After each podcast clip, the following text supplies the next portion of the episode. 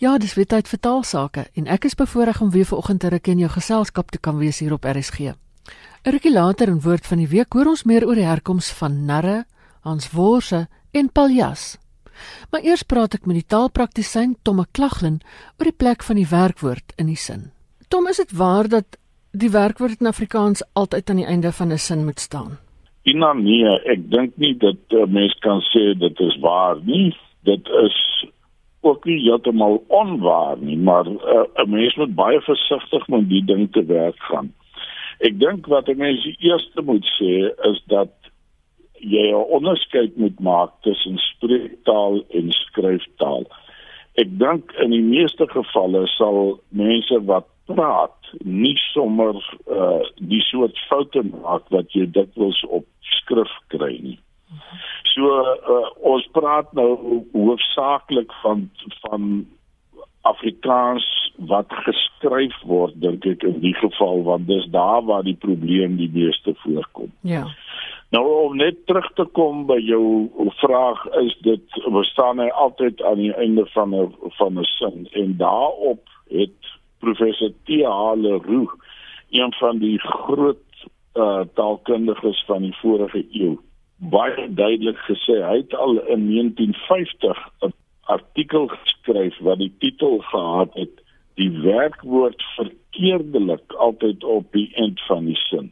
En dan hy het hom baie sterk daaroor uitgespreek. Hy sê dit is uh dat daar in die natuurlike taal word dit ten strengste verbied Nou ek dink Afrikaans het al 'n bietjie gegroei of verander sedert daardie tyd. Jy weet, ek dink dis hoe uh, meer as 'n half eeu gelede wat hy dit geskryf het. Ja. Maar hy het uh, ondersoek gedoen daarna en en toe bevind veral by meer ingewikkelde of komplekse sinne het jy die probleem op skrif gekry. En en aardig genoeg sê hy dat hy 'n slag besig was om 'n manuskrip en ons sal seker vandag sê te redigeer. Hy sê hy was besig om die manuskrip persklaar te maak. Toe die uitgewer vir hom sê hy moet tog net onthou asseblief die werkwoorde moet aan die einde van die sin staan. Ja. En toe hy vir die man vra, uh, maar hoekom sê jy so? Toe sê hy dit is soos ek op skool geleer het. Oh. Nou uh, jy weet dit is Belarus sê toe die feit dat hy dit op skool geleer het eerder as wat hy 'n afleiding gemaak het op grond van wat hy hoor was nou nogal vir hom uh, die probleem gewees. Nou in die eerste plek moet mense sê as jy 'n eenvoudige sin het soos ons nou jy weet vir mense wat dalk nou 'n bietjie al hulle grammatika vergeet het as jy 'n eenvoudige stelsin het van onderwerp gesegde en voorwerp. So sê net maar die koei vreet die gras of iets dergeliks. Ja. Dan staan die werkwoord in die middel. Hy ja. staan nie aan die einde nie. Dit is wanneer jy byvoorbeeld hulpwerkwoorde begin bykry. Die oomblik wat jy nou sê die koei het dan sê ons nie het gevreet die gras nie dan dan word dan skuif die hoofwerkwoord agter toe die koei het die gras gevreet. Ja. En dit is nou die tipiese Afrikaanse idioom wat daar geld. En ek dink dis waarskynlik hierdie soort ding eh, wat wat die probleme veroorsaak. 'n Mens kan ook dink aan 'n sin soos eh, sê net maar eh, die die rugby span uh sal die volkslied op die veld moet kan sing. Ons sal nie sê hulle sal moet kan sing die volkslied op die veld nie. Ja. So daar is waarheid in dat sekere dele van die werkwoord of van die gesegde dan liewer in sekere omstandighede agter toeskryf. Maar hy hoef nie altyd daar te staan nie. Mm. Dan is daar natuurlik ook die tipiese ding wat 'n mens nogal dikwels wel in spreektaal hoor en dit is die na die voegwoord dat of ander uh, sogenaamde onderskeidende voegwoorde. Mhm. Mm Jy sal byvoorbeeld hoor dat uh, dat iemand sal sê hy het vir ons gesê dat die maan draai om die aarde. wat 'n tipies Engelse uh woordorde is terwyl jy eintlik moet sê hy het vir ons bewys die dat die maan om die aarde draai. Ja. So die onderskikkende voegwoord maak daar 'n baie groot verskil. En dit dink ek is omtrent die enigste een wat 'n mens uh, werklik waar in spreektaal ook hoor. Jy hoor dit baie dikwels dat mense uh, daardie volgorde na iets soos dat veral na dat jy weet nie korrek het nie. Ja, ja.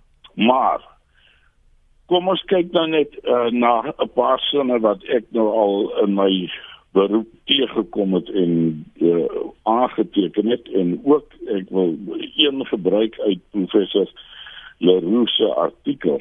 Mhm. Mm en dit is nogal eh, 'n uh, baie interessante ene. Wat hier gebeur is as 'n mens nou te bewustelik skryf en jy het hierdie idee in jou kop dat die werkwoord aan die einde van die sin moet staan, dan kry jy dit dikwels by die meer ingewikkelde of komplekse sinne dat jy 'n stapeling van werkwoorde kry en nou verwag jy van die leser om uit te vind watter werkwoord by watter deel van die sin pas. Ja.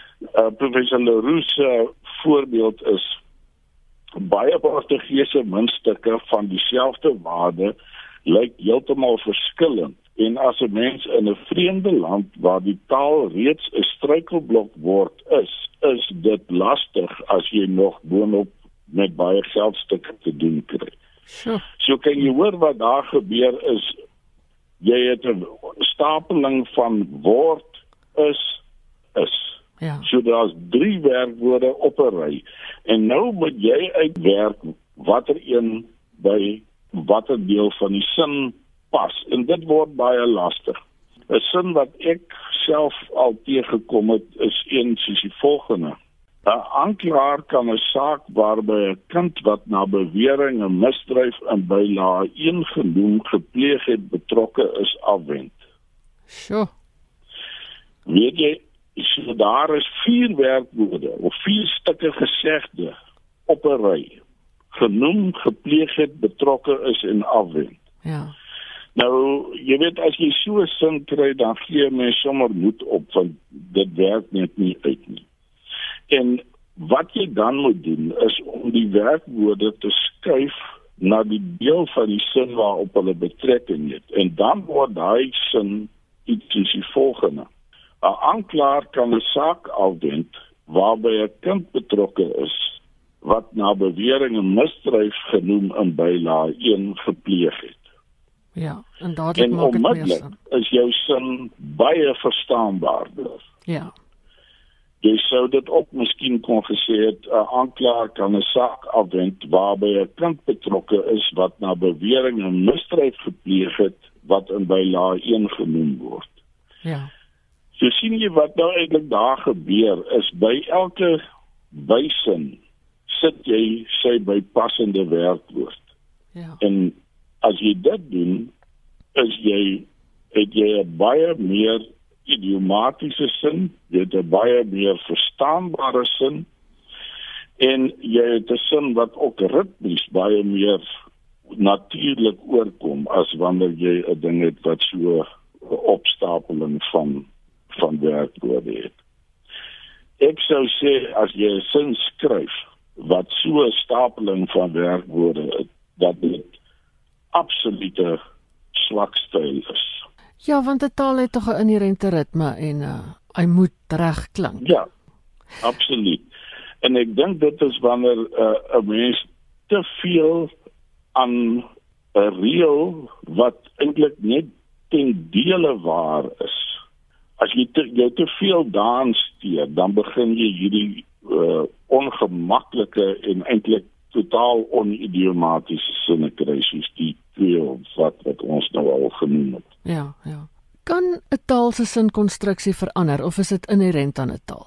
Nee, dit kan natuurlik verander en dit verander met verloop van tyd ook. Jy weet ek het onlangs um, nog al 'n bietjie nagelees oor hoe die verskillende Afrikaanse woordelys en spelreëls uitgawes van mekaar verskil het. Mhm. Mm En as jy mens nou gaan kyk na die na een van die heel vroeë uh gevalle waar dit uh van die eerste uitgawes van die AWS dan sien jy mens nogal dat van die werkwoorde op op ander plekke staan as wat ons vandag aangewoond is.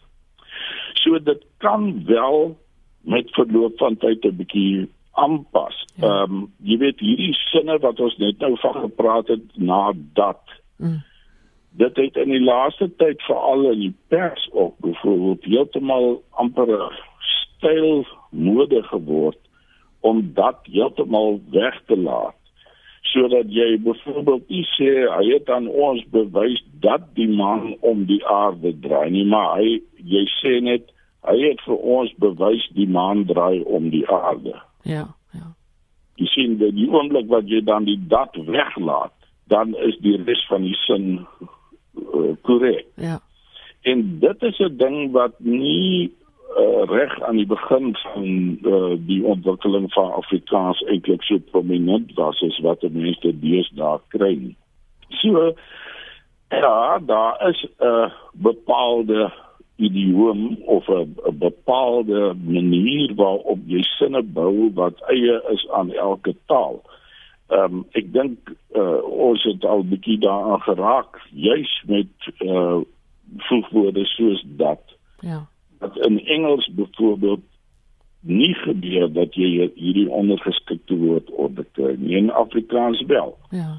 So 'n mens moet in gedagte hou dat daar uh, in 'n taal 'n bepaalde manier is waarop jy jou sinne bou amper uh, intuïtief as jy as as jy 'n moedertaalspreker is. Dalk net 'n laaste vraag. Mense hoor dit dikwels dat sinne op die Engelse manier geformuleer word.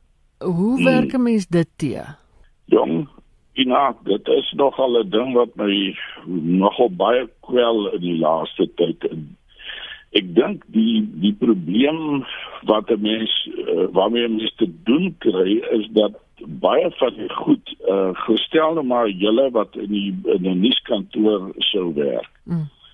of uh, koerantberigte skryf kry die goed in Engels die inligting ja. en nou word dit vertaal en jy is as dit ware beïnvloed deur die deur die konstruksie van die van die sin wat jy in die Engels sien en dit probeer maar in jou vertaling dit so naas moontlik daaraan hou. En dit is dis nogal moeilik om by so 'n probleem verby te kom as 'n mens veral as jy nie 'n baie ervare vertaler is nie. Wat ek maar dikwels probeer doen is om te dink hoe sou ek dit gesê het as ek glad nie geweet het nou wat hier voor my op die papier staan nie. Ja. Jy weet as ek nie nou deur die Engels beïnvloed is ek ek moet probeer dink hoe sal ek dit sê as ek sinema met 'n vriend gesels. Ja. En dit is maar een van die beste maniere wat 'n mens kan doen uh om te probeer seker maak dat jy dit op 'n idiomatiese en 'n natuurlike manier sê.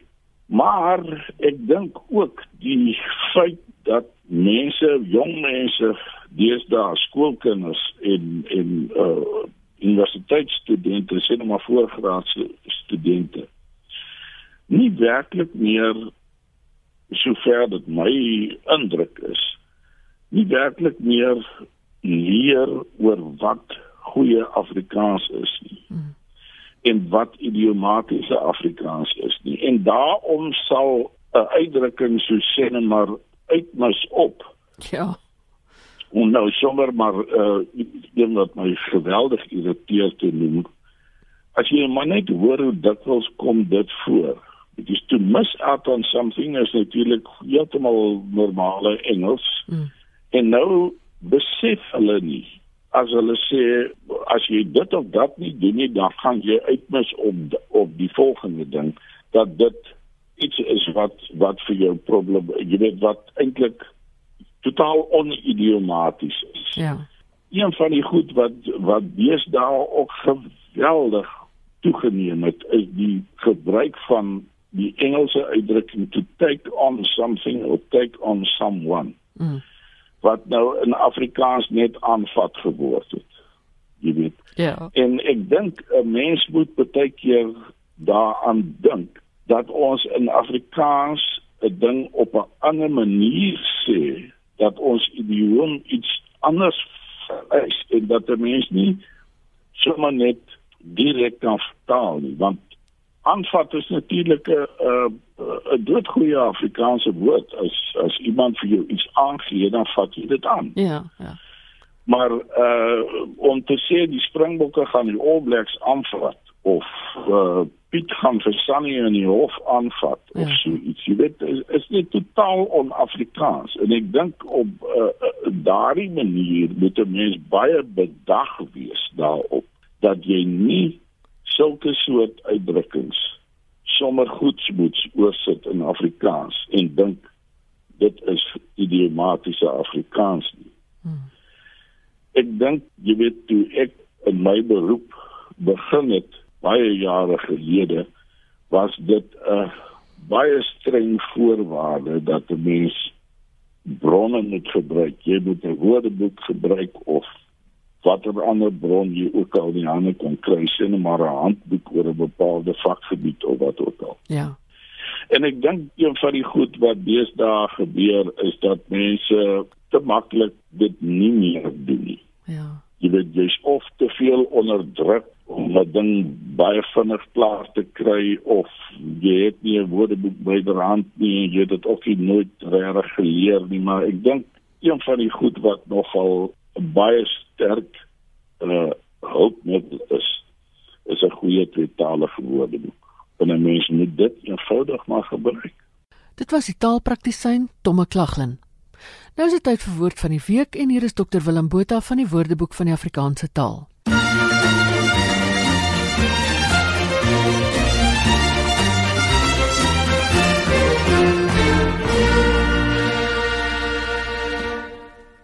Voor ons nou met vanoggend se woord van die week begin, gee ons net 'n bietjie terugvoer na aanleiding van verlede keer se hertsoggies en Jan Smitsies. Ja, Ina, ek het die pragtigste terugvoer gekry. Iemand het reeds Sondag al ingebel na RSG met 'n verklaring. Natuurlik van Rob Sampson en Lampies Lambregs die baie baie nuttige inligting gekry. Dit het daaroor gegaan dat ek gesê het dat ek dink daar het 'n verandering in die koekie gekom want eh uh, JWM Hertzog is toe verkies as eerste minister, maar hy het die, die moslems teleurgestel van die Boekap. Hulle het toe nie die stemreg gekry nie.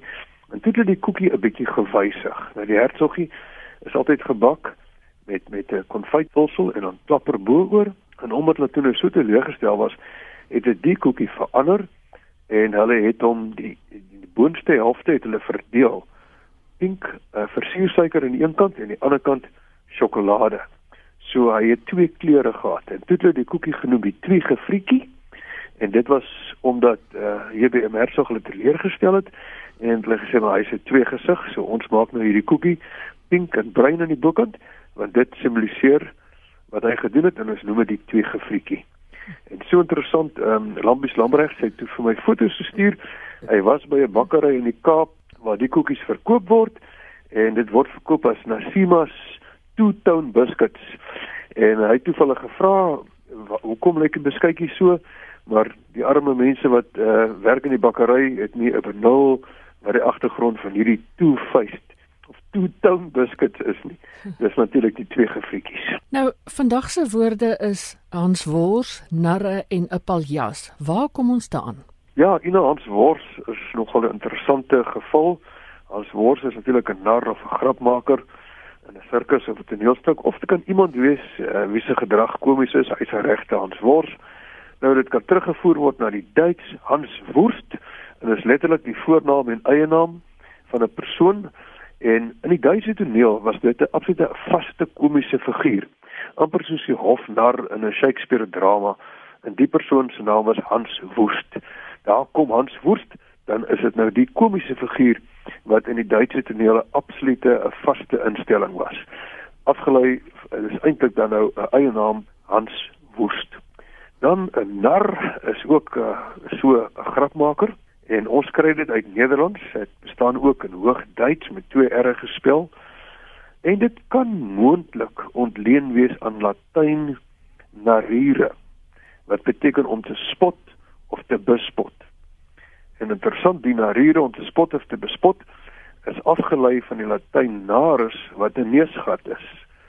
En eh uh, die Latyn vir neus is nasus.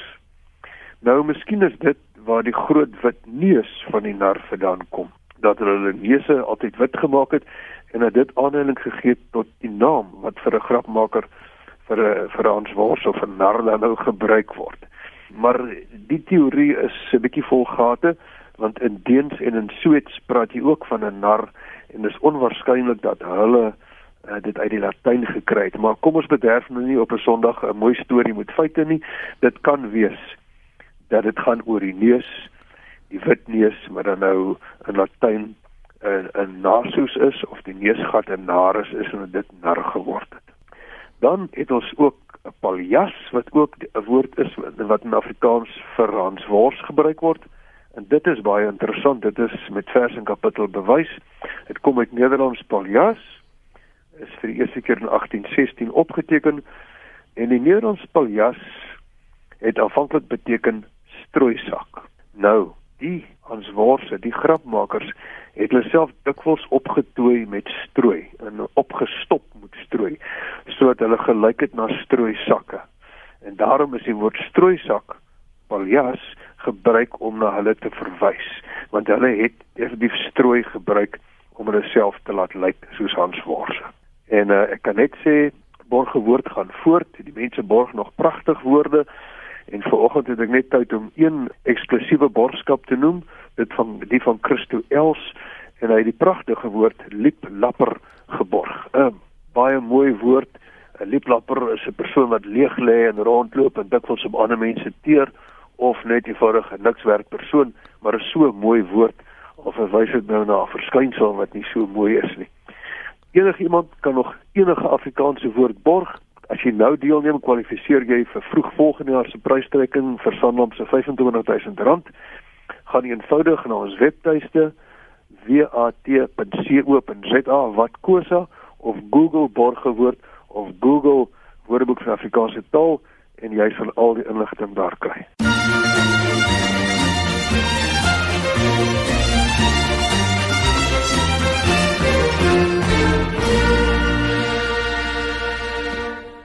Dit was dokter Willem Botha van die Woordeboek van die Afrikaanse taal.